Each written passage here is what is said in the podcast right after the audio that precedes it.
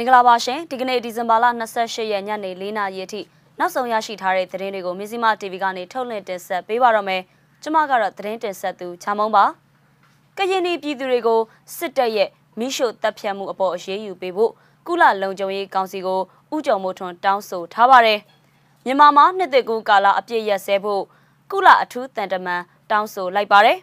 စစ်ကောင်စီတပ်ကနှက်ချောင်းကျေးရွာမှာရှိတဲ့နေအိမ်တွေကိုမိထက်ရှို့နေပြန်ပါတယ် ဒီသတင်းတွေနဲ့အတူမြန်မာရွှေ့ပြောင်းလုပ်သား250နီးပါးကော့တောင်းမြို့ကိုပြန်ပို့ခံရတဲ့အကြောင်းကိုလည်းတင်ဆက်ပေးပါမယ်ရှင်။ကရင်ပြည်သူ40နီးပါးကိုအရှင်လက်လက်မိရှို့တပ်ဖြတ်ခဲ့တဲ့စစ်အုပ်စုကိုချက်ချင်းအရေးယူပေးဖို့ကမ္ဘာကုလသမဂ္ဂလုံခြုံရေးကောင်စီကိုမြန်မာတန်အမတ်ကြီးဦးကျော်မိုးထွန်းကစာပေးဖို့တောင်းဆိုထားပါတယ်။မိရှို့တပ်ခံရမှုဖြစ်ပွားပြီး3ရက်ကြာဒီဇင်ဘာလ29ရက်နေ့မှာကုလအတွင်းရေးမှူးချုပ်စီလိမ့်မှုပြီးတော့စာပေးဖို့တောင်းဆိုခဲ့တာပါ မြန်မာနိုင်ငံဆိုင်ရာကုလအထူးကိုယ်စားလှယ်နိုလင်းဟေဇာကိုလည်းမိတ္တူပေးဖို့ခဲ့ပါတယ်ဥကြုံမိုးထွန်းပေးဖို့ခဲ့တဲ့စာမှာအကြမ်းဖက်စစ်အုပ်စု terrorist military လို့သုံးနှုန်းထားတာကိုတွေ့ရပြီး Christmas နေ့မတိုင်ခင်ဒီဇင်ဘာလ24ရက်နေ့မှာဖရူဆိုမြို့နယ်မိုးဆိုကျေးရွာမှာစစ်အုပ်စုကကလေးငယ်နဲ့အမျိုးသမီးတွေအပါအဝင်ပြည်သူ35ဦးကနေ40အထိကိုအရှင်လက်လက်မိရှို့တက်ခဲ့ကြောင်းရေးသားထားပါတယ်။ဒါအပြင်အကြမ်းဖက်စစ်အုပ်စုက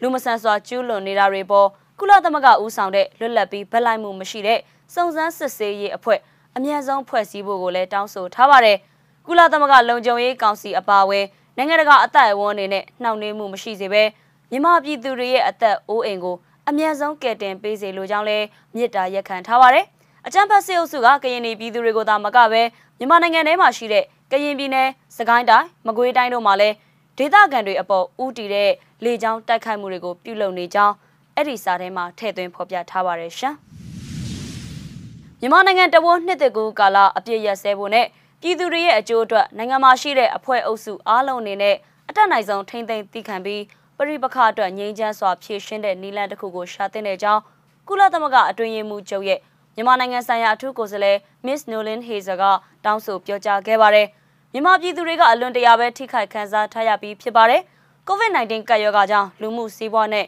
လူသားချင်းစာနာမှုအခြေအနေပေါ်လဲပိုဆိုးရွားစေခဲ့ပါတယ်။ကုပြည်သူတွေပေါ်ထိခိုက်ခံစားရအောင်လုပ်တဲ့သူတွေအနေနဲ့သူတို့ရဲ့တနက်တန်တွေကိုတိတ်အောင်လုပ်ဖို့လိုပြီးအခုအညီကြီးကြီးမားမားလိုအပ်နေတဲ့အချိန်ပြည်သူတွေကိုကာကွယ်ပေးဖို့လဲလိုပါတယ်။မြန်မာနိုင်ငံကကလေးငယ်တွေရဲ့အနာဂတ်ကဒီအပေါ်မှာမူတည်နေပါတယ်လို့ဟေစာကမနေ့တုန်းကပြောကြားခဲ့ပါတယ်။ဒီထုတ်ပြန်ချက်မတိုင်ခင်ကုလလုံခြုံရေးကောင်စီကလည်းအပြစ်ရက်စဲမှုတစ်ခုအတွက်တောင်းဆိုခဲ့ပူးပါတယ်။ကရင်ပြည်နယ်နဲ့မြန်မာနိုင်ငံကတခြားဒေသတွေမှာ အကြမ်းဖက်မှုတွေဆက်လက်အရှိန်မြင့်တက်နေပြီးပြည်သူထောင်တောင်းကြီးကလည်းအိုးအိမ်စွန့်ခွာထားရတဲ့အပေါ်အရန်စိုးရင်ပူပန်တဲ့အတွက်အခုလိုတောင်းဆိုတာဖြစ်ကြောင်းဟေဇာကပြောပါတယ်။မြန်မာနိုင်ငံမှာရှိတဲ့အဖွဲ့အုပ်စုအားလုံးအနေနဲ့နိုင်ငံအကျိုးစီးပွားအတွက်လှုံ့ဆော်ကြဖို့နဲ့အယက်သားပြည်သူတွေကိုအကာအကွယ်ပေးရမယ်။နိုင်ငံတကာလူသားချင်းစာနာမှုနဲ့လူအခွင့်အရေးဥပဒေအောက်က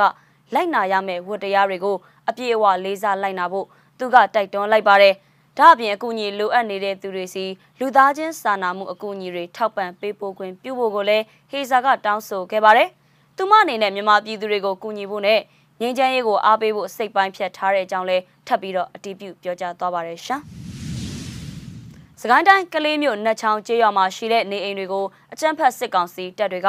မင်းညပိုင်းကစပြီးဒီကနေ့မနက်ပိုင်းအထိမိထက်ရှို့နေတယ်လို့ဒေသခံတအုပ်ကတန်တွင်ခတ်သတင်းဌာနကိုပြောလာပါတယ်။ ရွာထဲကိုလည်းမနေ့ကညနေပိုင်းကစပြီးမိရှို့တယ်။အိမ်ဆက်နှလုံးလောက်မိလောင်သွားတယ်လို့ကြားထားတယ်။နောက်ပြီးတော့ခုမနဲ့လည်းမိထက်ရှို့တယ်။လေးလုံးလို့ကြားသိရတယ်ဆိုပြီးတော့သူကပြောပါတယ်။ကျန်းဖတ်စစ်ကောင်စီတပ်တွေကနတ်ချောင်းကျေးရွာကိုလေးချိန်မြောက်မိထက်ရှို့နေတာပါ။အရင်ကမိရှို့ဖျက်ဆီးခဲ့ရမှာနေအိမ်ခုနှလုံးပျက်စီးခဲ့တယ်လို့ဒေသခံတွေစီကနေသိရပါတယ်။ဒီရက်ပိုင်းတွင်စစ်ကောင်စီတပ်တွေကကလေးမြို့နားမှာရှိတဲ့ကျေးရွာတွေကိုအင်အားသုံးထိုးစစ်ဆင်တိုက်ခိုက်လာတဲ့အတွက်နတ်ချောင်းနတ်မြောင်းနတ်နန် ချောင်းကွနဲ့အင်းစိန်ရွာမှာရှိတဲ့ဒေသခံပြည်သူ2000ခွဲကျော်ကစစ်ပေးတင်းရှောင်နေကြရတာဖြစ်ပါတယ်။ထိုင်းနိုင်ငံတောင်ပိုင်းခရိုင်14ခုမှာအကြောင်းအမျိုးမျိုးကြောင့်ဖမ်းဆီးထိန်းသိမ်းခံရတဲ့မြန်မာနိုင်ငံသား250နီးပါးကိုမနေ့ကရနောင်းကော့တောင်နယ်ဆက်ဂိတ်စီပြန်လည်ပို့ဆောင်ခဲ့တဲ့အကြောင်းမြန်မာအလုပ်သမားတန်အရာရှိရုံးကနေသိရပါဗျ။အဲ့ဒီရှေ့ပြောင်းလုပ်သားမြန်မာနိုင်ငံသားတွေကထိုင်းနိုင်ငံတောင်ပိုင်းရနောင်းခရိုင်လူဝင်မှုကြီးကြပ်ရေးထိန်းသိမ်းရေးစခန်းမှာ ပြစ်ဒဏ်တွေကြခံပြီးစောင့်ဆိုင်နေသူတွေပါစုစုပေါင်း264ဦးဖြစ်တဲ့အကြောင်းမြန်မာအလုပ်သမားတန်အရာရှိကပြောပါဗျ။ကော့တောင်မြို့ရှေ့ပြောင်းအလုပ်သမားအရင်းမြစ်စင်တာတာဝန်ခံဦးမိုးဝေကကိုယ်နိုင်ငံသားတွေဒုက္ခမျိုးမျိုးဖြစ်ပြီးရောက်လာတော့ကျွန်တော်တို့ကောင်းကောင်းမွန်မွန်လက်ခံကြိုဆိုခဲ့ပါတယ်။နောက်ပြီးလိုအပ်တဲ့စိတ်ပိုင်းဆိုင်ရာနဲ့အကျန်းမာရေးအတွက်ကုညီပံ့ပိုးပေးခဲ့တယ်လို့သူကပြောဆိုပါတယ်။အဲ့ဒီမြန်မာနိုင်ငံသားတွေကို COVID-19 ရောဂါစစ်ဆေးဖို့ကော့တောင်မြို့မှာအသွားလာကန့်သက်ထားရှိမှလည်းဖြစ်ပါတယ်ရှင်။ မီဇီမရဲ့သတင်းတွေကိုနေ့စဉ်စောင့်မျှော်ကြည့်ရှုပေးခဲ့ကြတဲ့အတွက်ကျေးဇူးတင်ပါတယ်။ပြည်သူအလုံးလက်ရှိကြုံတွေ့နေရတဲ့အခက်အခဲတွေကနေအမြဲဆုံးလွန်မြောက်ကြပါစေလို့ဆုတောင်းရင်းနဲ့နှုတ်ဆက်လိုက်ပါတယ်ရှင်။